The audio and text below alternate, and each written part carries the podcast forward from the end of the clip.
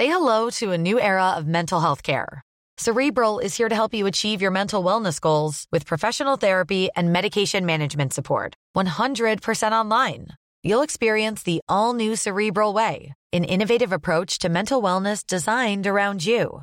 You'll get a personalized treatment plan from a therapist, prescriber, or both in a safe and judgment free space. Your cerebral therapist or prescriber will outline a customized plan with clear milestones along the way so you can get to feeling your best. With Cerebral, you're not alone in your mental health journey. We're here to empower you to live a fulfilling life.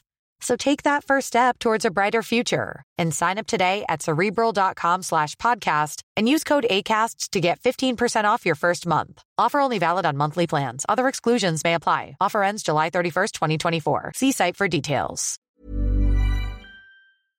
Macradion presenteras av DJ Fabbe. djfabbe.se DJ Fabbe is in the house. Yeah, yeah, yeah, yeah. Hej och hjärtligt välkomna till Macradion. Ännu ett härligt avsnitt serverat av mig, Peter Esse, och de två oraklen Gabriel Malmqvist och Henrik Hågemark. Sant nöje. Definitivt. Visst är det. Eh, idag ska vi prata om eh, lite rykten. Det sägs ju att eh, det kommer en ny iPhone. Kanske ni har hört talas om. Ja, det är klart ni har. Hela världen går ju runt och väntar på den. Och, eh, men även iPad Nano och en ny Macbook Pro 13 tum med sån här fin skärm. Då, till skillnad mot de gamla vi alla andra får dras med. Nämligen Retina-skärm. Gabriel, du som representerar vår, eh, språkrådet. Ska, säger man Retina-skärm eller ska man helt enkelt köra Retina-skärm? ja, det kan man ju fråga sig. Retina brukar jag säga och är nöjd med det. Det känns eh, försvenskat samtidigt som det funkar i de flesta sammanhang meningsmässigt. Det var något mellanting där alltså? Ja, precis. Ja. Den gyllene medelvägen. Jag hade en eh, härlig, trevlig herre som, som sa Regina-skärm. Tyckte han var, var fin. eh, men eh, innan det så ska vi diskutera någonting som eh, är lite, ja, lite tråkigt sådär. Det, alla är ju lite rädda om hur, hur världen ska förändras nu när Steve Jobs inte finns. Är det i alla fall Apple som företag. Mm, ni, först ut som, som det verkar vara lite sådär sprickor i fasaden är ju Apple Store. Dels så var det en liten händelse där man eh, sa upp personal sades det. Eh, tog in, eh, drog in övertid och så vidare. och så vidare. Sen backade man ju på det och bad om ursäkt och sådär. Men, men sen så släpptes det en artikel på en, en webbsajt som heter ifoapplestore.com. Som jag, jag länkade till och skrev en liten inlägg om. Eh, som handlade helt kort och gott, väldigt många tecken där, men det handlade kort och gott om att man eh, skiftar fokus från då kundnöjdhet till eh, marginalmaximering. Och eh, jag är, tror ju tyvärr på att det är så här med tanke på den chefen man har rekryterat i Apple Store. Men Henrik, du var lite tveksam. Ja, det är väl mer det att jag hoppas att, eh, att du inte har rätt här i det här sammanhanget. Alltså, som, jag ser det så har ju Apple inga problem med marginalerna och jag har svårt att tro att de har, har det i sina butiker. Eh, för det, ja, vad jag har förstått som så ska de här butikerna vara, alltså man säger självförsörjande i den bemärkelsen att de ska, de ska löna sig som enheter också. Eh, sen är det ju många som kan kränga datorer, eh, även Apples datorer kan man ju kränga eh, och utan, alltså mer, och, och jobba just mot, mot marginaler, mot, mot eh, aggressiv prisbild och så, men Apple Store existensberättigande handlar om egentligen att man, man kan gå in och få en, en unik unik hjälp och en unik support och detta har man ju tryckt, har ju Steve tryckt på ända sedan den första butiken kom att man skulle kunna ja, gå dit och få den ja, handledning i, i världsklass och så har det väl varit. Alltså det, eh, jag, jag, läste kommentarerna på, på din artikel Peter på eh, vår trevliga Altomac och där eh, var det ju så också att, att eh, de flesta där hade upplevt att det, det håller en väldigt hög nivå. Jag har också upplevt det så eh, när jag varit i en, i en i en Apple-butik så att säga. Så att jag, jag, är, jag är rädd eh, för att det, det, kan vara så att, att eh, du har rätt, men jag hoppas inte det. Och på något sätt så vill jag inte tro det heller med tanke på att jag tycker det är en så otroligt viktig del av, av, av hela konceptet. Att det ska vara eh, en helt unik omfamnande butik som inte går att finna någon annanstans egentligen. Gabriel eh, förstå, om det är sant då, är väldigt hypotetiskt här, men förstår inte eh, nuvarande Apples ledning vad storheten i Apple Store var? Eller, eller vad, vad handlar det om egentligen tror du? Mm, ja, det kan man verkligen fråga sig, precis som Henrik är inne på. De tjänar väldigt mycket pengar redan, men det är klart mycket vill ha mer och allt det där. Och det är alltid frestande för, för någon som leder ett, ett företag att, att försöka få upp eh, vinstmarginalerna ytterligare. Um, jag är inne på Henriks spår. Jag hoppas verkligen inte att det här är sant. Eh, att fokus har skiftat utan att, att målet ändå på något sätt är att göra människor nöjda och sådär. Man får väl lite grann eh, tänka tillbaka på varför uppstod butikerna från första början. Och det var ju liksom ett sätt att, eh, att eh, få fram den absolut bästa eh, butiken. Där man visar upp sina egna produkter utan att man då så många gånger var problemet i, i USA att man, att man hade kanske en, en, en, en liten hörna i en befintlig elektronikbutik där de anställda många gånger kanske inte kunde så mycket om ens produkter eller inte var speciellt intresserade att- av att sälja ens produkter. Och därav så uppstod det då eh, Apples egna initiativ där man då eh, ska kränga sina egna produkter på ett så positivt sätt som möjligt. För dem naturligtvis, men också naturligtvis för kunderna självt. Ehm, jag tror nog fortfarande ändå att man inser, om det här nu är en, en, någon slags kursändring, så hoppas jag åtminstone att man inser fort att det är, det, det är en dum idé. Antagligen är det väl inte så att man har suttit på ett möte och eh, diskuterat så här, ah, ska vi ha nöjda kunder eller ska vi ha vinstmaximering? Eh, utan det handlar väl om såklart om att man tror sig kunna leverera eh, en bra kundvård eh, men ändå har eh, ja, ändå kunna tjäna ännu mer pengar än vad man gör. Men mycket handlar ju om de här genusbaren då som om mångt och mycket faktiskt är gratis för i de flesta fall.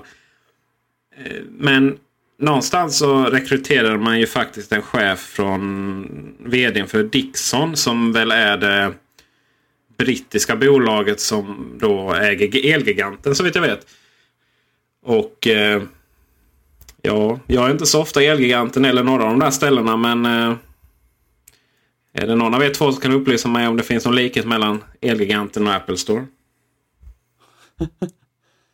Oh, jag befinner mig heller aldrig på, på, på de ställena måste jag säga. Det är, ju, det är ju natt och dag måste man säga. Det finns väl inget annat sätt att betrakta det tycker jag. Alltså det, är, det är ju sorgligt att, att gå på de här stora elektronikkedjorna, eh, generellt sett i alla fall. Dels kunskapsnivån och eh, sen hur det är, är liksom uppställt och så i många lägen också, även om, om vissa av till exempel Elgiganten-butikerna har fått en, en, en liten Apple-avdelning. Så. Men, men eh, så det hade varit helt katastrofalt om man, om man går mot det här, den här krängarkänslan. Man, man ska komma ihåg det att, att, att Apple Store är ju inga prispressare. Det är ju det är Apples liksom vanliga listpriser och det är inte särskilt eh, billigt vad gäller tillbehör så heller om- jag, eh, om jag inte har, har fel för mig. Och det är ju inte därför folk går dit utan folk går dit därför att man får den här omhändertagande, den här eh, unika köpupplevelsen och att bara ha en unik liksom, eh, miljö som, som Apple Store framförallt, eller kommer, kommer att ha eh, i fortsättningsvis. Och, och om man då tappar den här, den här om man säger, varmare eller mjukare biten där man, att man kan få hjälp, att man har ett, ett fantastiskt kundbemötande, då är det ju eh, då är det illa, eh, tycker jag. Och att eh, hur gör man då eh, Ehm, i konkurrens mot kedjor som faktiskt sätter priser under Apples listpriser? Alltså då, det känns som att om man, om man, om man tappar det här med, med kundbemötandet och, och samtidigt tänker sig att man ska ja, ta ut sina egna priser man har, man har kommit, kommit, kommit fram till på något sätt, Apples listpris vill säga, så, så är det ju lite märkligt för jag, jag vet inte om man bara kan sälja Apples, Apples prylar i det här sammanhanget eh, på eh, miljön, alltså när det gäller den, den faktiska eh, Eh, byggnaden eller eh, lokalerna så. Det, det är jag inte övertygad om. Jag, jag tror att, att många går dit även för de här mjukare bitarna också. Det lät ju lite grann som om, eh, som om många av de här indragningarna gjordes ju också på bekostnad av de anställda. Att man kanske fick det lite tuffare i sin hantering i sitt arbete egentligen. Att man hade färre anställda som skulle hantera eh, hantera mer. Och det är ju naturligtvis eh, någonting som kommer att slå tillbaka mot kunderna också. Eh, eller, eller slå mot kunderna snarare. Och slå tillbaka mot Apple. Därför att om man, om man liksom pushar människor tillräckligt hårt så kommer ju deras frustration kanske att spilla över i kundbemötande och, och, och, hur, man, hur mycket uppmärksamhet man kan lägga på en kund och så vidare. Så att allt sånt här påverkar ju i slutändan väldigt mycket. Det är oftast väldigt subtila saker som, som, som avgör ett intryck en kund kan få av en säljare eller någon som är där för att hjälpa en. Alltså det, det, det är liksom inte alltid... De flesta är åtminstone hyfsat trevliga men Sen är det liksom skillnaden där, ganska så liten sådan mellan kanske den, den riktigt trevliga eh, butikspersonalen och den som kanske är alldeles för stressad eller överarbetad och så vidare. Så att det, det, är alltid, det är alltid en väldigt, eh, det är, en, det är en svår balansgång det där. Att, att för alla företag är ute efter att liksom maximera intäkterna per anställd. Det är inget konstigt alls egentligen, det är liksom så systemet fungerar. Eh, men man måste alltid liksom man måste ha i åtanke, speciellt då i, i sådana sammanhang där man har liksom väldigt mycket kundrelationer för de anställda. Att, att, att man är nöjd med sin situation och att man känner att man kan påverka och att man känner att man blir hörd och så vidare. För att det är också ett problem med de här butikerna kan jag tänka mig att om man betalar för lite eller om man kräver för mycket så kommer man liksom att förlora personalen också. Och då tillkommer ju merkostnader i form av att lära upp ny personal och det finns ju alltid en inkörsperiod där man inte kan så mycket. Antingen vad gäller det man säljer eller hur man säljer eller hur man lagar eller hur man hjälper och sådär. Så att det, det finns ju liksom alternativkostnader där som man får se upp med också. Som, som lätt kan eh, käka upp eventuell vinst man gör på att, på att, så att säga vinstmaximera eh, när man har en butik. Det som är fascinerande är till exempel att eh, nu kommer Apple Store till Sverige. Man kommer till Täby centrum, man kommer till Emporia i Malmö. Här i Malmö ska jag säga. Eh, men då kommer man också till en egentligen en lite ny värld som jag tror inte Apple riktigt har, har, har kunnat konkurrera med på sistone. Eller eh, där, där man finns på sina eh, andra ställen. Dels så är det ju så här att man i Täby centrum så finns det ju, finns ju alla de andra kedjorna. Elgiganten, om inte Mediamarkt finns där så är de väl på väg. Eh, ute där Emporia byggs det, där det finns Svågetorp och där finns Mediamarkt och det finns ju eh, Siba eh, och men inte Elgiganten. Nej. Eh, och det är ju företag som ständigt har kampanjer på olika Macbookar för att locka. Säljer dem långt under underpris. Det vet ju vi som jobbar inom eh, APR-kedjan då i Malmö och Helsingborg att eh, de här priserna som finns är ju helt sjuka då när man försöker locka. Det är de absolut billigaste produkterna. Och sådär. Men hur tror ni? Det är det ena. Och sen så är det här att vi har ganska aggressiva svenska fackförbund. Ibland önskar man kanske till och med att de skulle vara ännu mer aggressiva. Men det är ju inte så här att Apple är kända för sin personalvård i, i Apple Store-butikerna i alla fall. Hur, Gabriel, hur tror du eh, eh, man kommer att tackla då dels de här, den här extrema prispressen som är på elektronik just i Sverige av någon anledning. Och dels det faktum att vi har ganska starka arbets eh, eh ganska starka lagar som skyddar arbetstagarna. Ja, man sitter ju onekligen i lite av en, eh, en, en svår situation där. Eh, det känns ju som, jag menar, vi, jag vet inte hur, hur anslutnings... Eh, hur den fackliga anslutningsnivån ligger i butiker och så här. Eh, det är möjligt att den ligger eh, under vad det kanske hade varit i andra arbetsyrken och så vidare. Men det är klart, alltså, det är någonting man måste, man måste möta. Vi har ju trots allt lagstiftning och sådär och det är inget som...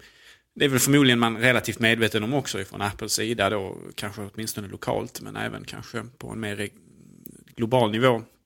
Att olika förutsättningar råder. Eh, och jag tror inte, jag menar, eh, jag tror inte Apples egna butiker kommer att satsa på att hålla lägre priser än vad som är på apple.se eller som, eller som, som då exempelvis APR återförsäljare över, över hela Sverige håller. Utan jag tror nog att man kommer att ligga på samma prisnivå eh, som, som, som så att säga man själva gör online och sådär. Eh, och det är ju klart, det är ju en lika svår situation som, som exempelvis då Kullander Jansson som vi alla tre jobbar åt eh, möter. Liksom, hur man på något sätt kan fånga in människor trots att de kanske kan köpa en dator eventuellt billigare någon annanstans. Men där kanske servicen är sämre, kunskapen är lägre eh, och, och priserna är inte så mycket lägre ändå. Alltså det, det, det, det är en svår situation. Men eh, de måste ju spela inom samma regler som, som alla andra. så att säga. Det är inget, det är inget som är... Som är det, är inget, finns ju inga undantag för Apple.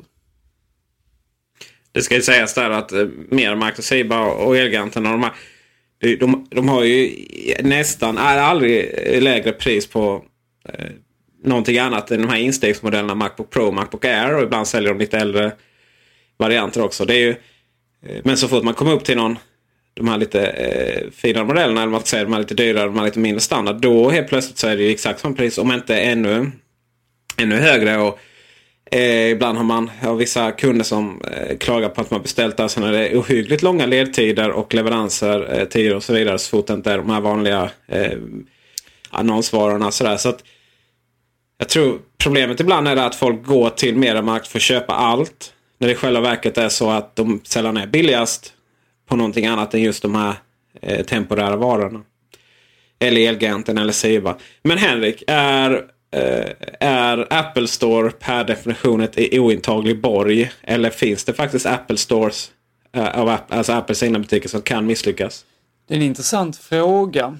Ehm, det, det, vi har ändå konfronterats här med, med, med två intressanta problem eller aspekter. Liksom. Och det, det, är ju, ehm, det är ju så att om, om, om, man, om man etablerar en Apple Store-butik i, i ett köpcenter eller liknande där det finns, som du var inne på Peter, då, eh, andra kedjor som pressar priser eh, på ett sätt som Apple inte gör och som de såklart inte ska göra heller tycker jag.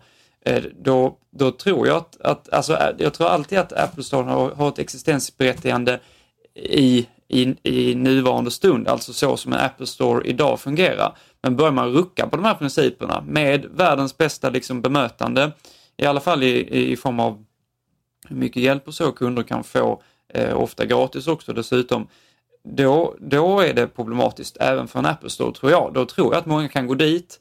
Det är, det är liksom en, en, en kyrkolokal för många av oss liksom. Men, men att om, om man vägg i vägg kan handla för ett par tusen billigare vid, vid något visst läge så, så, så klart så kan Apple Store också få problem med det. Eh, speciellt när det gäller, när det gäller, det gäller tillbehör också om det, om det finns en större, ett större utbud eh, liksom, nära intill och som dessutom har pressat priser på ett annat sätt. Eh, så vi har inte sett exempel på det innan vad jag vet i alla fall att, att, eh, att det är någon Apple Store som har misslyckats. Och jag, jag, jag, jag tror inte att, att risken är stor i, i nuvarande stund hur, hur jag betraktar konceptet. Men börjar man rucka på det så är jag inte alls säker längre faktiskt. Det är ju rätt så...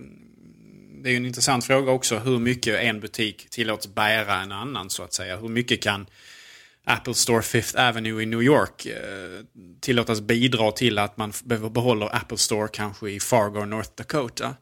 Eller motsvarande i det här landet. Alltså att hur mycket tillåter Apple framgångsrika butiker bära vidare butiker som inte är framgångsrika? Eh, Även Apple kan ju göra misstag vad gäller sånt här och det är inte alltid så att en butik som är satt på en plats som verkar bra faktiskt visar sig vara det. Det kan ju naturligtvis vara så. Men sen ligger det lite prestige också i det här med att har man väl etablerat en butik, ska man, ska man väl liksom avveckla den bara hur som helst? Eller hur ska man hantera sådana frågor? Många av de butikerna Apple har startat hittills har ju varit ganska så självklara egentligen.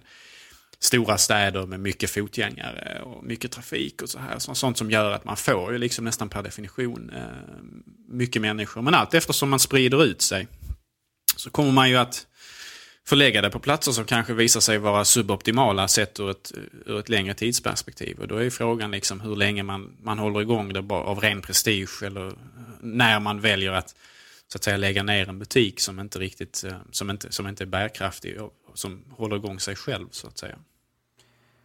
Just det. Den, eh, någon gång i oktober öppnar eh, butiken i Malmö och eh, redan nu i september får vi kanske se butiken i Täby. Och folk är lite upprörda just Täby varför man öppnar där istället för Stockholm innerstad. Och jag tror att många har nog en liten felaktig bild om hur Apple gillar att öppna butiker. Visserligen har man gigantiska mäktiga fina butiker inne i innerstäderna. New York säger, har ju ett gäng mastodontbutiker. Um, andra huvudstäder har, har ett gäng. Kina finns det många väldigt fina. Och eh, även runt om i Europa. Men Apples favoritläge är ju köpcentrum. Och eh, den bilburna shoppingkulturen är ju stark i USA liksom här. Och jag ser det faktiskt inte som något konstigt alls att man har etablerat sig där. Men däremot så tror jag det kommer en i Stockholms innerstad. Eh, ganska så omgående så fort man har hittat en bra lokal. Och med det går vi vidare. Gabriel Malmqvist, kan du förklara hur nya iPhone 5 kommer se ut och huruvida den kommer heta det eller Ja, eh, först och främst har jag i åtanke att den, den nya iPhonen som nu är på väg är alltså inte femte ordningen utan sjätte. Men det har ju samtidigt nog ringa betydelse för huruvida Apple väljer att ge det namnet 5 eller 6. Eh, för jag kan tänka mig att Apple är villig att rucka lite grann på principerna där. Däremot så tror jag ju inte då att den kommer att få något, något sifferbeteckning överhuvudtaget utan att man kommer att göra precis som med den nya iPaden. Det vill säga att den kommer förmodligen bara heta den nya iPhone eller iPhone. Att man på något sätt mm, helt enkelt lämnar det här produktnummersprincipen eh, som man tidigare haft. Eh, någonting som man ju har gjort sen, ja, man har egentligen inte haft det på datorerna tidigare heller. iMac har alltid hetat iMac. Uh, iMac G3, G4, G5 men sen så har man ju, det har kommit revisioner där inom som inte har fått nya namn. Och och den heter ju inte iMac eh, Intel nu eller någonting utan nu heter den bara iMac och det tror jag att man kommer att fortsätta med. Eh, så att eh, förmodligen så kommer nya iPhone helt enkelt bara heta iPhone och det är väl, det är väl gott och väl så. Ehm, det är ju ett så pass etablerat varumärke vid det här laget så att det, det, jag tror att Apple kan kosta på sig att avbetona lite grann vilken, vilken i ordningen så att säga det är. Mm, man kommer att kunna skilja på de, de gamla och de nya ändå rent formmässigt så åtminstone om vi får tro alla läckorna som nu dyker upp och det får man väl göra vid det här laget så kommer vi alltså få en, en lite större telefon. Den kommer att få en 4-tums skärm ungefär. Eh, istället då för att som, som, som många av konkurrenterna att växa på alla håll så verkar den här då växa mest på höjden. Man alltså får eh, eh en extra centimeter eller två på skärmen på höjden så att säga. Och detta har då kommit av att man gjort lite mindre plats. Eh, på de här toppen och bottenavdelningarna. Plus att man har lagt till lite, lite höjd rent fysiskt på själva produkten också. Så om man tittar på fotografierna så ser det väl ut som nya iPhone är kanske ungefär en centimeter högre. Men då har den kanske två centimeter mer skärm. Eh, just för att man har bantat ner så att säga, platsen runt hemknappen och platsen runt micken och, eh, och kameran. Eh, den här så att säga Facetime-kameran på iPhone. Ehm, och det, jag menar, det, det är ju rätt så trevligt. Om man använder iPhone mycket för att läsa, vilket jag gör, så är det väldigt trevligt. Ehm, för då får man helt enkelt mer plats att läsa, alltså mer, eh, mer text för plats. Men det har även andra fördelar. Ehm, om man tittar på film och lägger iPhone ner så får man ju plats med mer, mer bildyta den vägen. Och man kommer även att få plats med mer eh, grafik för spel och sådana saker. Spel som är optimerade för att utnyttja den här platsen. Eh, och det kommer innebära att hemskärmen då så att säga får en rad, en ikonrad till som man får plats med. Ytterligare en, eh, en sådan. Eh. Du var ju väldigt kritisk det här eh, lite kilformade formatet som ryktades om förra året. Och då får man väl ge dig rätt. Är du, känner du dig stolt nu? Ja, framförallt lättad naturligtvis. Men det är, på något sätt, desto mer man tänkte på det där, desto mer var det rätt så uppenbart att det inte kommer. Eh, det har alldeles för många nackdelar och alldeles för få fördelar. Ehm, det är klart att iPhone kommer att vara eh, jämn, jämntjock. Eh, många av konkurrenterna är inte det. på, på, varierande sätt. Vissa är tjockare runt kameran för att man måste ha plats till en, en häftigare kamera med mer megapixlar och ett tjockare objektiv eller vad det nu kan vara för någonting. Och Vissa är tjockare kring botten där man har plats till mer batteri och så vidare. Ser jättekonstigt ut verkligen. Och ligger inte speciellt bra på bord och sådana här saker. Nej, den formen vi har nu med en, med en platt, relativt symmetrisk enhet, det, det kommer nog att förbli. Däremot så är det lite andra utvecklingar som jag kan ju tycka känns lite sådär. Eh, jag har väl lite svårt exempelvis för eh, den här att man har flyttat ner eh, den här pluggen för högtalarna, eller hörlurarna förlåt, eh, till bottensidan istället. Det är ju det är något nytt eh, som vi har sett i de här bilderna. Eh, och jag kan väl känna lite grann att visst, så är det ju på exempelvis iPod Touch. men på något sätt så tycker jag ändå att det, rent visuellt när man håller iPhone så ser det konstigt ut att inte hörlurssladden sticker upp överst så att säga. Det ser, det ser lite märkligt ut. Det finns fördelar med att ha den på undersidan naturligtvis. Fördelarna är exempelvis att den inte, sladden inte kommer i vägen för skärmen om man exempelvis lyssnar på musik och står och surfar. Eller den kommer inte i vägen för kameran om man skulle stå och filma någonting och sådana saker. Så det, finns, det finns många fördelar med att ha den på undersidan. Men rent visuellt så kan jag tycka att det ser lite konstigt ut att ha den på undersidan. Att sladden sticker ut underifrån istället för ovanifrån. Men det är det är mer en, en, estetisk invändning än vad det är en praktisk sådan. För att på undersidan är det kanske mer praktiskt. Men det innebär ju också exempelvis att de här eh, högtalar och mikrofonplatserna eh, på undersidan blir eh, asymmetriskt skapade. Den, den ene då, som sitter på höger sida, den, får ju, den blir ju större. Har man ju valt att göra större då. Medan då den andra som sitter på samma sida som hörlursingången kommer att bli mindre. Och om man tittar på det underifrån så ser det faktiskt ganska konstigt ut.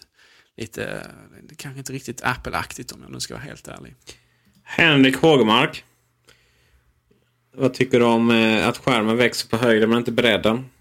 Ja, alltså eh, det har jag väl inte så, det opponerar man inte mot egentligen. Eh, det blir på något sätt än mera widescreen och det, det, det, tycker jag inte är en nackdel. Det, det är snarare en fördel i många lägen men dock så eh, är jag väldigt skeptisk till att den växer överhuvudtaget, alltså rent fysiskt. Inte skärmen då utan telefonen. Och det ser den ut att göra. Jag, jag är skeptisk till det. Vi får ju såklart se när den väl kommer hur det ser ut och så men, men eh, eh, jag tycker att iPhonen är, har en ganska optimal storlek rent fysiskt som den ser ut idag.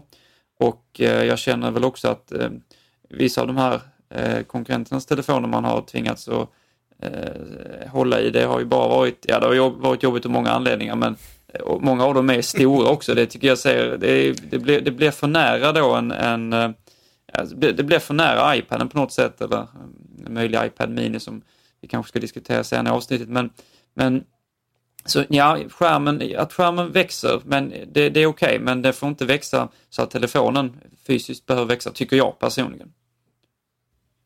Det är ju lite lustigt det här, för jag kommer ihåg när iPhone släpptes 2007.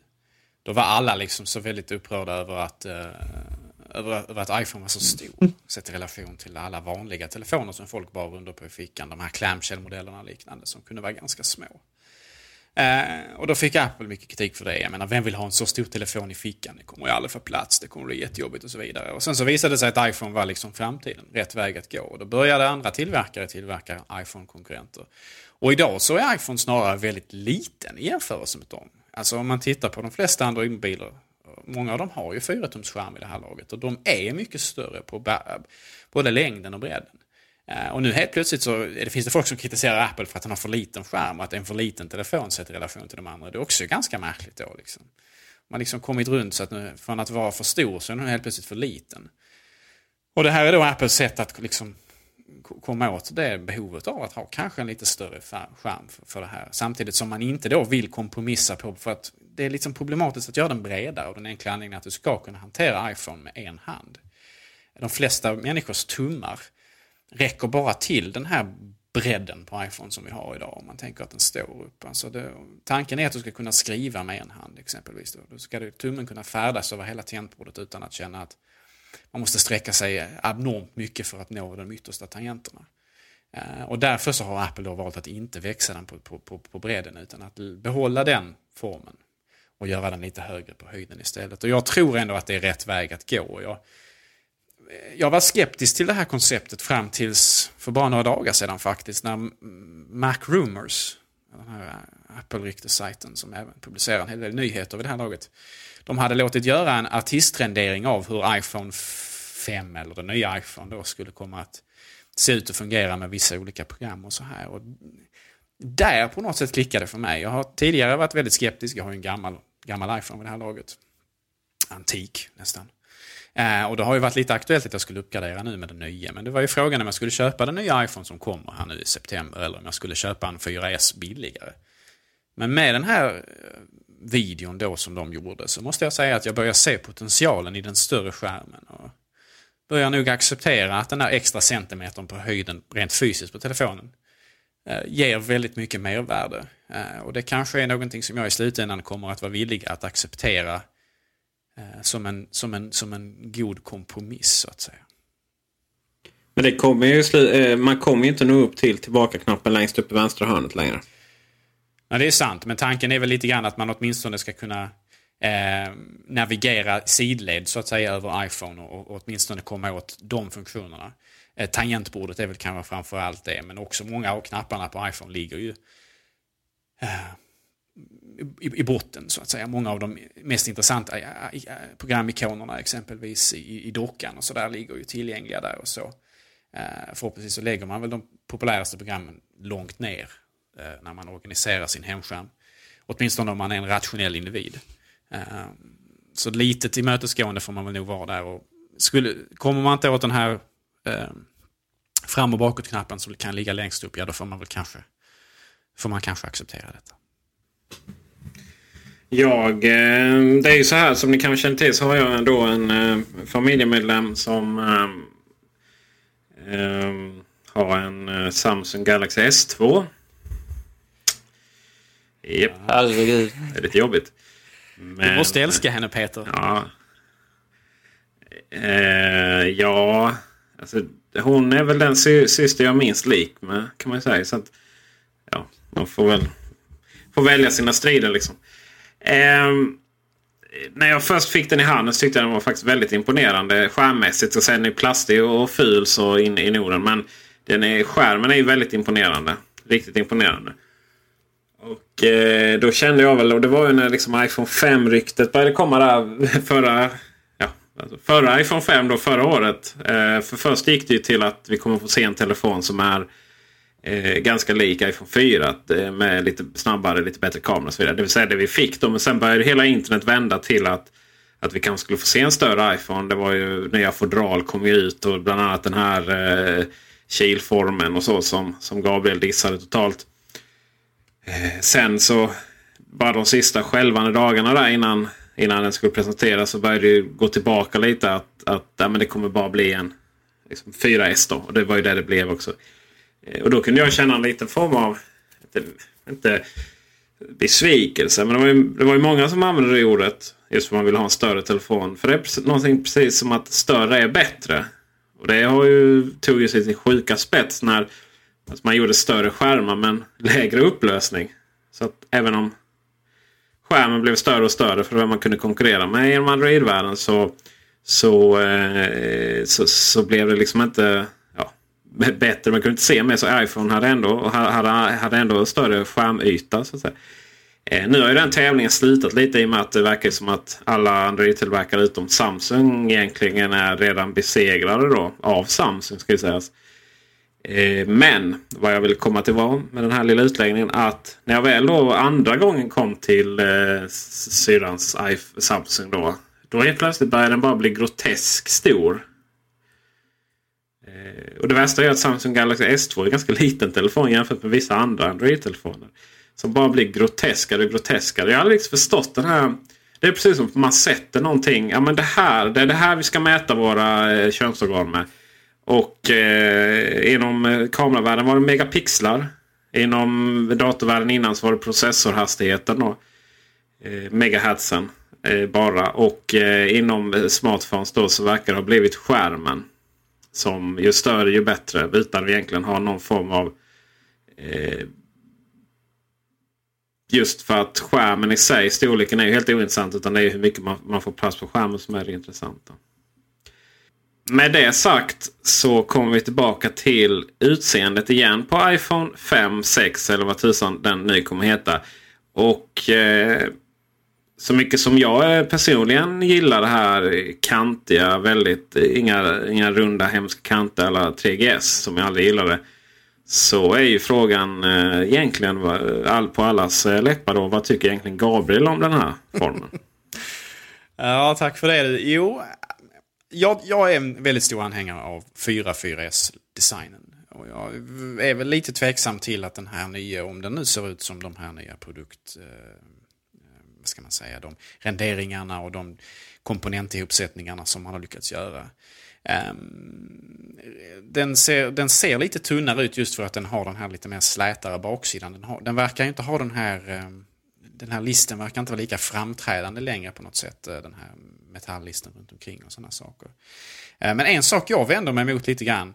Om man nu får tro de här eh, komponentuppsättningarna. Och det, det, det, verkar sannolikt i varje fall. Om man tittar på baksidan på iPhone så tycker jag att det ser väldigt konstigt ut. Och det, nu är det, vi verkligen nere på detaljnivå. Alltså nästan så att folk liksom förmodligen slår sig i pannan där hemma när de lyssnar på det. Men jag tycker kameran ser konstig ut där den sitter. Om man tittar, man, eh, om ni googlar och plockar fram en bild på den nya presumtiva baksidan på iPhone. Så, så, så tittar man på den här alltså kameracirkeln då så sitter den väldigt konstigt i relation till det här bakstycket. Eh, som är alltså huvuddelen av bakkroppen. För det sitter väldigt, väldigt kloss intill.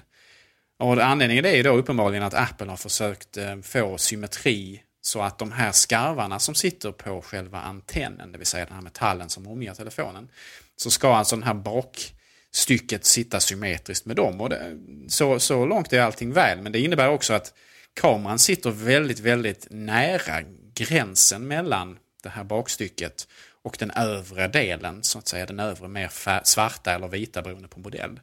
Det gör att den känns lite på något sätt eh, kompromissad dit.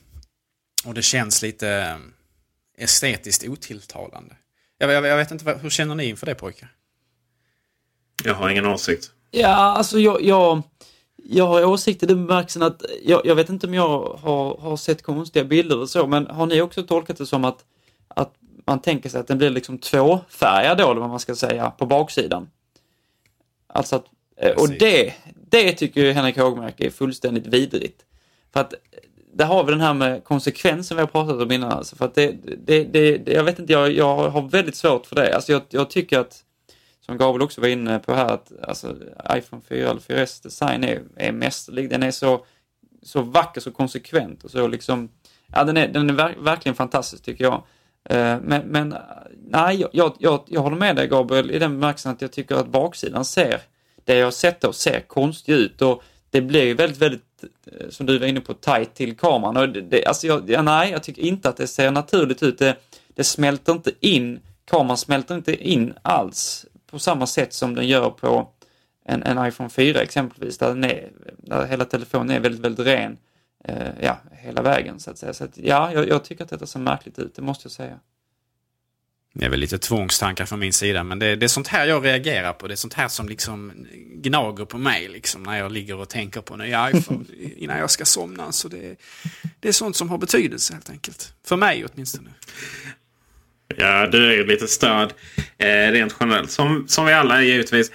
Det ska ju sägas att framförallt så har vi sett renderingar och, och påstådda eh, ihop, ihopsättningar av, av eh, vad heter det?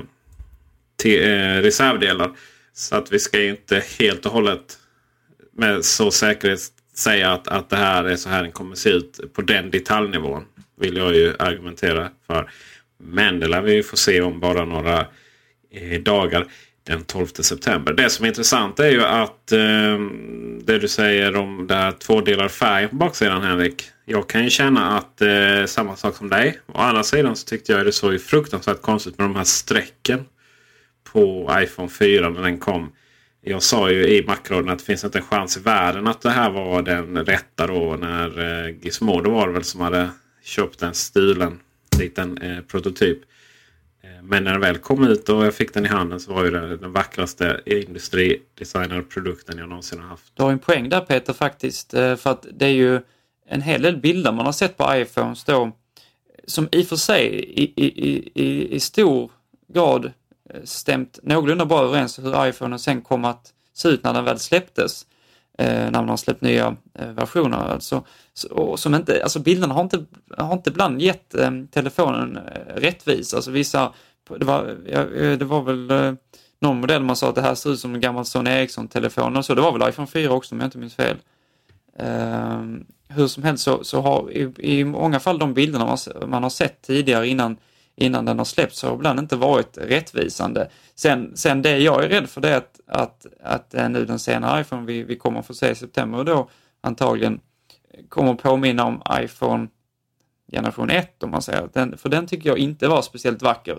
Eh, inte i jämförelse med, med de som kom därefter i alla fall. Och jag, det är nog framförallt det jag opponerar mig mot med det här med den tvådelade baksidan. Nu inser jag i och för sig att att, att den här, den nya baksida kommer bli antagligen betydligt mer stilfull för man kommer inte använda, man kommer inte ha samma behov av att använda plast för antenn och så vidare. För att, eh, så att jag, jag, jag är tudelad och det kan mycket väl bli så att det här ser mycket trevligare ut i verkligheten när vi får se Apples bilder än, än vad vi har sett nu. Så blir det alldeles säkert. Men jag är ändå ja, på något sätt skeptisk till, till, eh, till konceptet. Men vi får se såklart. Jag tror många Eh, problemet med den ursprungliga iPhonen var lite grann också om man tittar på baksidan där att det var liksom bara en, en liten del av baksidan som var, som var svart medan resten var silver så att säga. Den hade nog den hade nog tjänat lite grann på att precis som den här nya då prototyp vi har sett eller den här, den här potentiella nya iPhonen att den har eh, relativ symmetri ändå med att där den har två, en övre och en undre del av en annan färg. I det här fallet lite mörkare svart då medan då mittenpartiet så att säga eh, har en lite ljusare ton. Och jag tror att det rent estetiskt kommer att fungera bättre både eh, vad gäller färger, vad gäller materialval och sådär. Så det kommer att se bättre ut. Och sen så är ju de två färgerna som vi ser inte så långt ifrån varandra. Alltså ursprungliga iPhone 2G då, eh, om vi kan kalla det det, eller den ursprungliga iPhone, då var det ju verkligen silver, verkligen silvrigt på den stora delen. Och sen så var det verkligen beckmörkt eller väldigt svart på den undre, undre, undre lilla delen så att säga. Och det blir väldigt stor kontrast däremellan. Medan de bilderna vi har sett hittills på den nya iPhone så är det ändå relativt snarlika färger om än det mittenpartiet så att säga är ju ljusare. Eh, så jag tror att det kommer rent visuellt att se bättre ut eh, på den här nya telefonen än det gjorde på den första. Eh, för på det första kändes lite grann, det kändes lite grann som en någon slags kompromisslösning där. Och det, kan man ännu idag känna på exempelvis eh, iPad med den här 3G-kapaciteten då, eller mobildata om vi ska kalla det det, för att det är ju 4G i vissa delar av världen. Eh, där man då fortfarande har den här plastdelen som, som så att säga, tillgodoser antenner och sådana saker. Eh, känns fortfarande lite av en kompromisslösning. Mm. Eh, men det kommer man ju ifrån iPhone ganska fort. Men men iPad dras ju med den fortfarande. Jag är väldigt glad att eh, man gjorde just den här kompromisslösningen.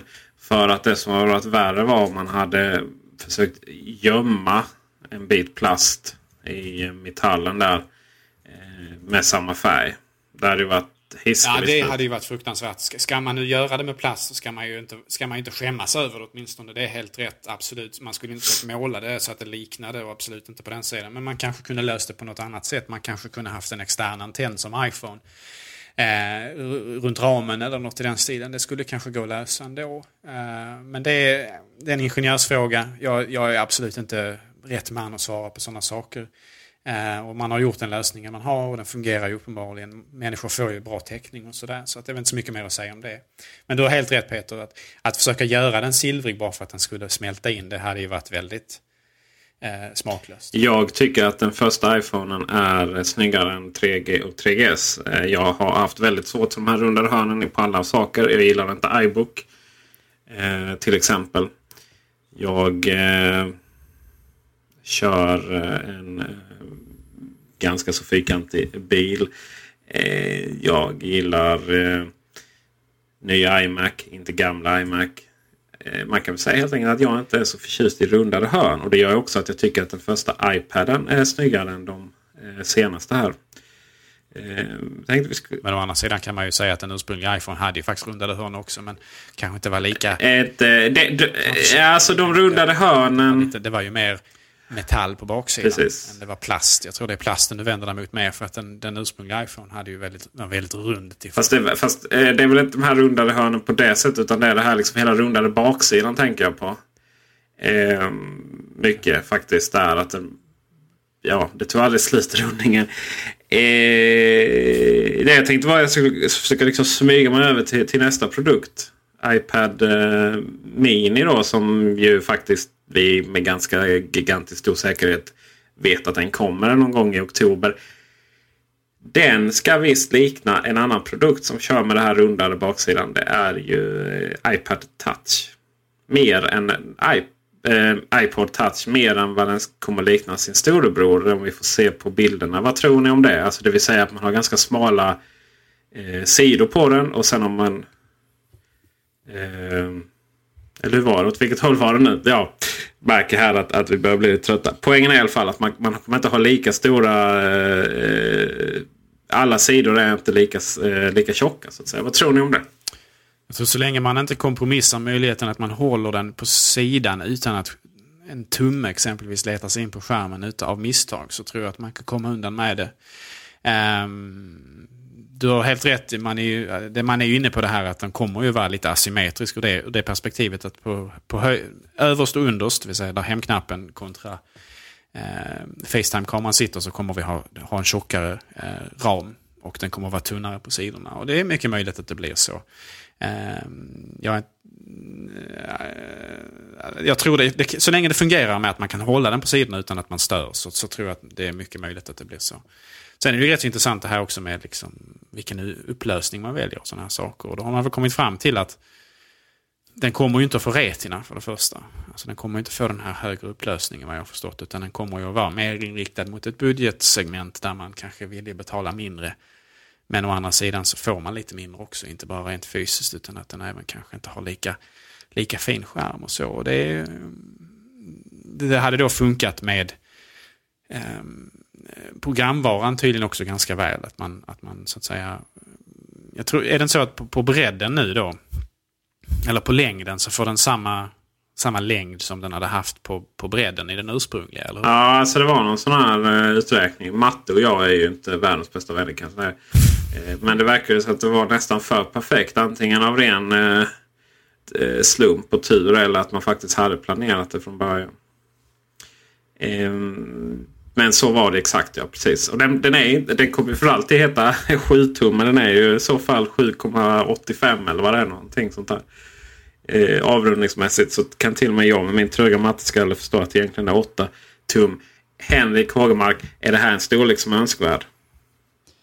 Ja, det, det, det är intressant faktiskt. För att alltså, vi, jag har fått vissa reaktioner när jag har diskuterat med, med, med intresserade människor sådär att, att ja, varför, varför ska man ha en sån liksom? Var, och, och, på något sätt så jag, jag kan förstå den frågan och det är intressant att se hur man hanterar de produkterna som ligger där närmst, alltså dels eh, iPad eh, som den ser ut idag och iPod Touch. För att det, jag kan tänka mig att, att det finns många Många köper en iPod Touch lite som en, som en surf och spelmaskin och då köper man ju antagligen i många fall hellre en eh, en iPad Mini skulle jag tro, även om den inte är någonting man stoppar ner i fickan och, och eh, är iväg och, och lyssnar på musik med. Men det tycker jag inte man fördelaktigt gör med en iPod Touch heller, utan där är en, en iPod Nano exempelvis bättre. Så att det, det, är intressant hur man hanterar de produkterna som ligger, ligger runt omkring en eventuell iPad Mini. Eh, och det är också, om man nu, nu i, i detta läget så har vi ju en, eh, vår, dels den nya iPaden då, sen så har vi en iPad nummer två Eh, alltså den föregående iPaden, lite förvirrande. Men, men, och det är också lite, ska den vara kvar då till exempel? För att, eller kommer den här nya iPad Mini bli ett, det nya budgetalternativet? Och att man, man helt enkelt slopar försäljningen av iPad 2. Eh, jag vet inte, men, men jag, jag tror i och för sig att, att formen hade kunnat eh, fungera och om det då är ett, ett, ett mer attraktivt pris så tror jag att det hade kunnat locka en, he, en hel del eh, potentiella kunder då, iPad-kunder som inte känner att att, att de vill lägga ut i alla fall en, en runt en 5000 kronor närmare eh, för en iPad. Men eh, det, jag tycker att det kan bli svårare att sälja en, en, en iPod Touch än vad det är idag eh, på något sätt. Precis som du är inne på där Henrik, den får ju vissa ramifikationer. Det ryktas lite grann om att nya iPod, iPad Mini förlåt, skulle eh, hamna någonstans i 249 dollars facket. Vilket ju idag innehas av eh, iPod Touch. Precis. Så det är ju frågan även rent prismässigt vad som händer med iPod Touch. Finns den kvar? Det känns som det är en... Ja, jag tror nog det ändå. Men då, då får den ju klättra ner i pris. Och vad gör man då med namn Ännu liksom? mer tillgänglig och... Ja, då är det frågan också vad man gör med nanon. Eller alltså om de kommer Nanos det kommer ju vara en eh, handklocka liksom. Ja, nanon är ju mer för s- de, de, Du de, frågar. här hurtbullarna som är ute och springer i spåret och sådana saker känner jag ändå lite grann. Då kanske man istället kanske sänker nanon lite grann och, och skippar eh, shuffle. Mm, mm. Eh, eller, eller någonting, jag vet inte. Men jag tror nog att vi, om, om iPad Mini, vilket vi räknar med kommer, och att den landar någonstans på 249, 250 dollar eller 300 dollar så ligger den ju väldigt nära där iPod Touch ligger idag. Och då är ju frågan om inte den prismässigt kommer att minska. Eh, eftersom det kommer att vara väldigt svårt för Apple att kräva samma, samma priser för de här två produkterna. Trots att vi ju, vi som spelar i Mac-radion och säkert de som lyssnar också vet ju att det kostar ju oftast mer att göra saker mindre. Så egentligen så är det ju inte konstigare att en mindre sak kostar mer. Eh, men Eh, samtidigt så tror jag att man som konsument kommer att tycka att det känns väldigt märkligt att om man kanske, låt säga man betalar kanske 249 dollar för en, en iPod en iPad Mini och sen så, ska, sen så vill Apple ha lika mycket för en iPod Touch. Det, det tror jag inte på alls. Utan där tror jag nog att den får krypa ner prismässigt åtminstone 50 dollar, kanske mer. Eh, för att liksom på något sätt behålla sin plats emellan. Ehm, eller sin, sin plats som en, en billigare iPhone. Men samtidigt så ska den ju ha en existensberättigande för, för människor som så att säga eh, har de pengarna att lägga. Eh, ni kommer väl ihåg diskussionen eh, iPod Mini kom? Eh, den här härliga som fanns i massvis med olika färger och som och faktiskt hade en, en eh, roterande liten hårddisk i sig. Nej, det hade den inte. Det var ju den som hade flashminne som alla fotografer köpte sen och, tog isär för att eh, flashminnet var billigare än, än eh, då man köpte en ny. Nej, den har inte Nej, flash. iPod, iPod, iPod, iPod Mini hade fortfarande den lilla, lilla hårddisken. Mm. Det var iPod Nano först som introducerade flashminnet. Men det var ändå så... Helt inne inne- storyn, eller det var väl ändå rätt att den, det var väl en standardminne som gick att sätta in i kamera och sådär. Nej, utan det var en, det var en hårddisk. Ja. Men, men du, du, du är inne på rätt spår där däremot vad gäller rent alltså prismässigt. För där fanns det ju en diskussion inom Apple. Det har ju fått reda på via den här Walter Isaacson-biografin. Att, äh, att Steve Jobs faktiskt först motsatte sig den här produkten eftersom den var bara eh, var det 50 dollar billigare eller någonting. Eller om det var kanske mindre än så. Men att den innehöll betydligt mindre lagringsutrymme. Jag tror den började på var det 5 gigabyte eller någonting? Fyra. Till den stilen. Fyra. Ja, 4 gigabyte tror jag till och med det kan ha varit eh, ursprungligen. Eh, sett då i relation till den vanliga iPoden som man betalar kanske 50 dollar extra för och så fick man 20 gigabyte eller något i den stilen. Eh, men där visade det sig naturligtvis att Steve Jobs hade fel och han gick ju med på det i slutändan att, att, att, så att säga skapa den här produkten ändå. För att mm, det finns ett behov av att betala för mindre. Eh, att få en, en mindre sak som, som både är fysiskt mindre och som kanske då den här var ju estetiskt mycket väldigt tilltalande också. Eh, den var ju lite i metall och så här. Och sen så hade den också fördelen av att den hade många olika färger vilket gjorde att många människor kunde ju leva ut sig själva via den. Så att säga. Att man kunde så på något sätt visa vem du är genom vilken färg du väljer på din iPod och sådana saker. Och det kan ju te sig trivialt men så funkar vi ju trots allt människor. Eh, man betalar ju gärna mer för märkesint som det signalerar rätt saker till omgivningen. Så att säga. Samtidigt är det, har jag ju märkt så här ibland när man helt plötsligt tänker att men jag ska inte vara sådär jättejobbig och det är viktigt med märken och så vidare. Så går man och köper någon billighetsprodukt någonstans och så är det bara så värdelöst. Eh, det är ju inte så att säga äpplet på Apple-produkterna som, som ger kvaliteten utan det är ju snarare så att eh, eh, borgar ju för kvaliteten. Och det är likadant i andra sammanhang. Jag vill bara säga att jag hade rätt och fel där. iPod Mini hade en hårddisk men den hette, kallades Microdrive och den hade då samma kontakt och exakt storlek som ett kompakt flashkort. Vilket gjorde att man kunde då köpa en iPod Mini Eh, ta, sönder denna, använda diskarna till sina kameror. Fotografer gjorde detta i eh, mängder. Det var nämligen så att Apple köpte upp varenda liten microdrive som gick att tillverka.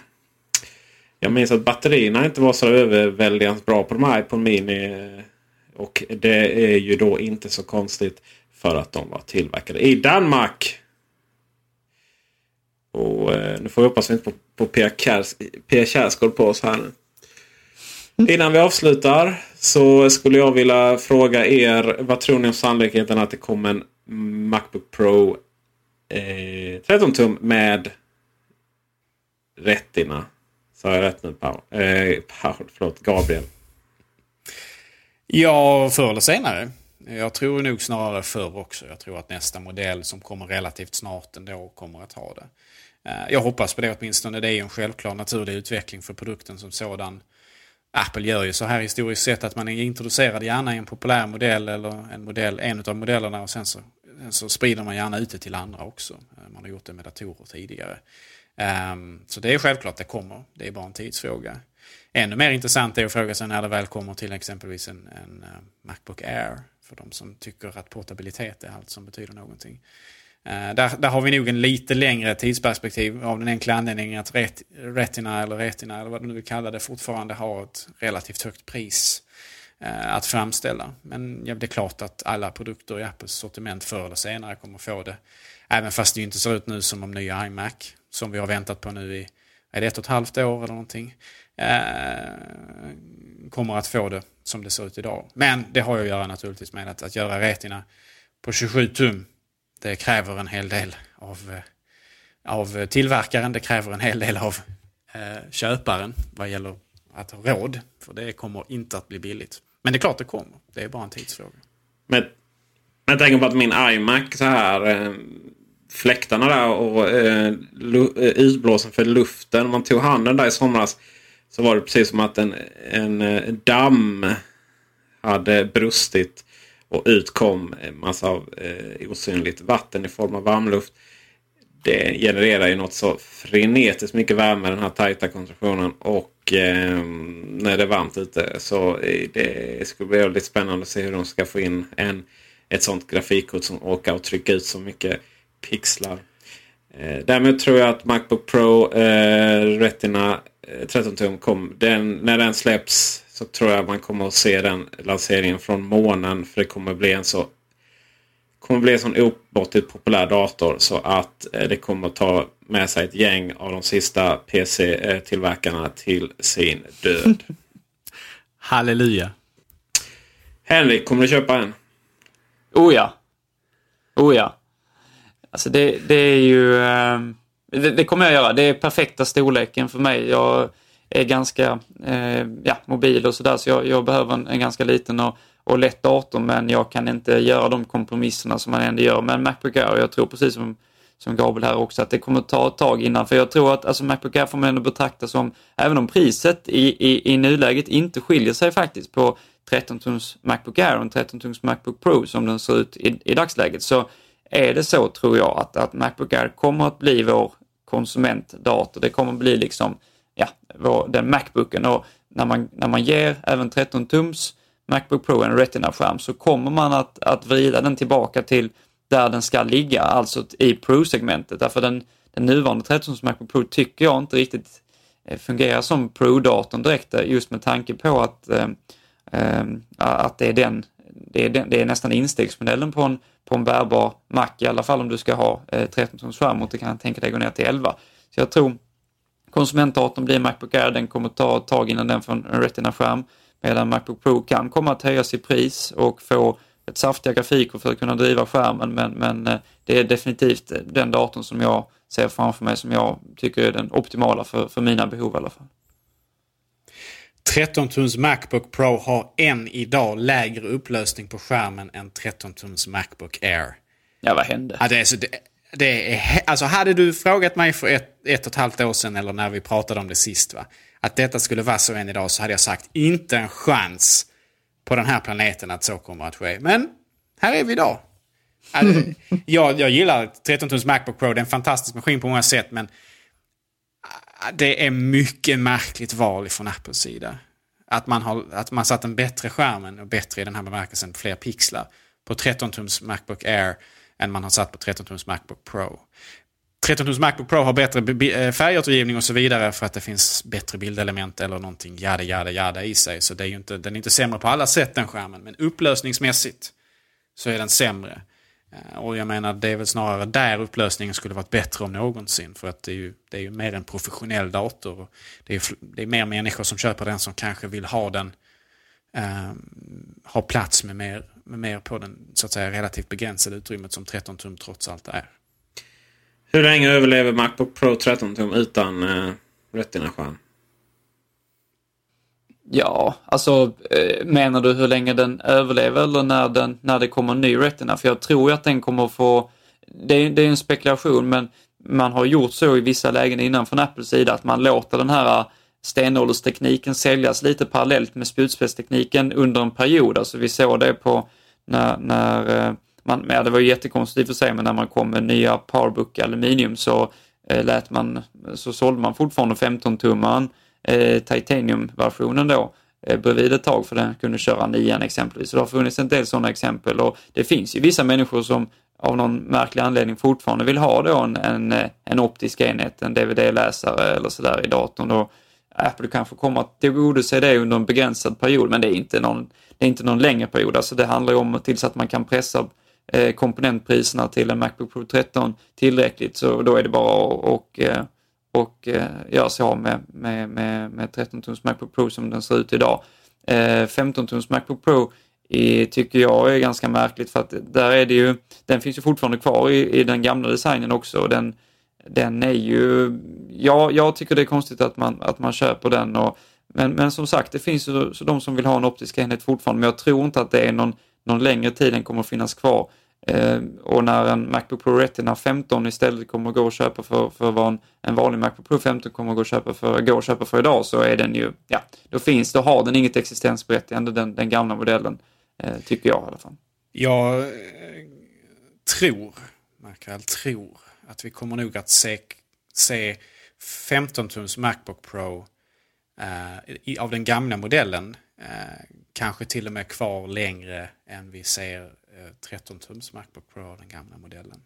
Det skulle inte förvåna mig om Apple behåller den gamla Macbook Pro 15 tum med optisk, och, optisk del och traditionell hårddisk och, och allt det här. Eh, bortom en introduktion av en 13 tums eh, Macbook Pro Retina. Eh, men jag tror inte att man behåller den traditionella 13 tums Macbook Pro utan Retina efter att Retina-modellen väl är introducerad. För jag tror att man kommer att vänta med Retina-modell där tills det är så pass ekonomiskt möjligt att man ändå kan ha ett hyfsat bra pris på den. Man kommer liksom ändå inte riktigt ifrån att 22 000 kronor i ingångspris för en 15 tums Macbook Pro med Retina är ganska mycket pengar för väldigt många människor. Eh, även professionella människor som använder datorn mer i arbetssyfte och sådär. Så att mm, jag, jag, jag tror att nästa uppdatering av Macbook Pro 13 får Retina, absolut. Jag tror att den kommer relativt snart ändå, förhoppningsvis innan årets slut åtminstone. Um, och jag tror att man skrotar 13-tums Macbook Pro, den traditionella då. Uh, och jag hoppas ju att man kan skrota 15-tums Macbook Pro, den traditionella också, om man kan få ner priset på, på så att säga Retina-modellen där rejält. Eh, men jag tror nog att det är nog större chans att vi får behålla 15-tums Macbook Pro med optisk enhet och inte Retina eh, ett tag till. Du kan ju rätta Gabriel med tanke på just att att det finns väl ett, ett, eh, en, en, en, en Pro-kund som fortfarande har en hel del, det kan vara gamla Firewire-tillbehör som man använder om man, man, man, man har lite mer vad man säger, gammeldags behov på något sätt och man kan också behöva den här optiska enheten. Så att det kan ju vara så att den kommer att ligga kvar eh, som, som, som en datorsidan av eh, de, de mera kommande mainstream Macbook Pros som, som, som komma skall förhoppningsvis då. Men, men där är det frågan om Apple vågar ta steget att liksom att, att, att helt enkelt göra Macbook Pro eh, Eh, i kommande Retina-skepnad till en dyrare dator än vad Macbook Pro är idag. Jag hoppas det, jag tror det också därför att jag, det känns som att man måste, för, alltså man måste flytta fram lite positionen när det gäller 13-tums Macbook Pro också. Den kan inte ligga i det här alltså vanliga breda konsumentsektionen utan jag tycker att det ska ligga, det ska vara, ge, ge lite mer, eh, uppfylla sitt, sitt, sitt, krav som kommer med namnet på något sätt. Så att jag, jag, det är nog inte helt omöjligt att, eh, att det blir så att det blir en, det blir en, en billigare dator såklart än 15-tums Retina men, men ändå en, en förhållandevis dyr dator med, med, med god prestanda i ett, ett litet format och sen istället då att, att de, de mera hemmakonsumenterna, de som vill ha en lite mer prisvänlig dator, får satsa på en, en, en, en Air istället. Det, det tycker jag verkar rimligt. Ja, jag tror att dagarna som dagarna är räknade för Macbook Pro 13 som en, en typisk studentdator där man köper den för att ordbehandla i Office-paketet eller Ja, ja. för att sitta och slösurfa med på, på campus. Utan det är, det är nog, precis som du är inne på där, så det är, nog en, det är nog en dator som ska flyttas upp i livet och, och bli en dator mer för professionella användare. Och att Macbook Air helt enkelt ska kliva in där och ta över det segmentet. Studenter, eh, vanliga människor om man säger så, alltså vanliga användare. Eh, det tror jag också, absolut.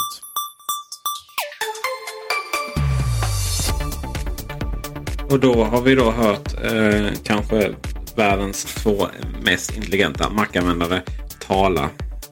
Det kommer vara en fantastiskt trevlig höst med eh, dessa nyheter. Vi får väl se hur länge Macbook Pro 13, Mac, eh, Macbook Pro 13 utan Retina överlever.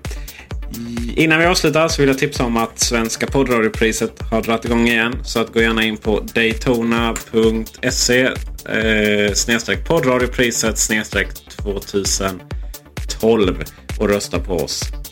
Om ni gillar det ni hör. Det gör ni förstås. Och vi gillar Med det er så framför allt. önskar Det jag- är väldigt viktigt att komma ihåg, kära lyssnare. Ah, du tänkte köra mutan där Just det. Mm. Jag vill vänta den till nästa avsnitt. Blink, blink. Med det så önskar vi en fortsatt trevlig vecka. Vi hörs eh, nästa vecka helt enkelt. Ha det bra. På återseende. Hej hej! Hej, hej! DJ Fabbe is in the house. Yeah,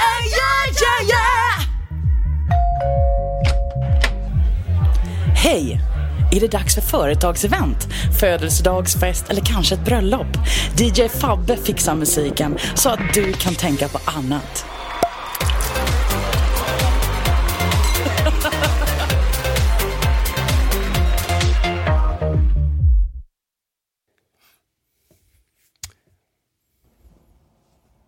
Det, det är nice. Det är riktigt nice. Det, vet du vad? Den kör man med joystick. Och, Och det? det är nice. Ja, 330.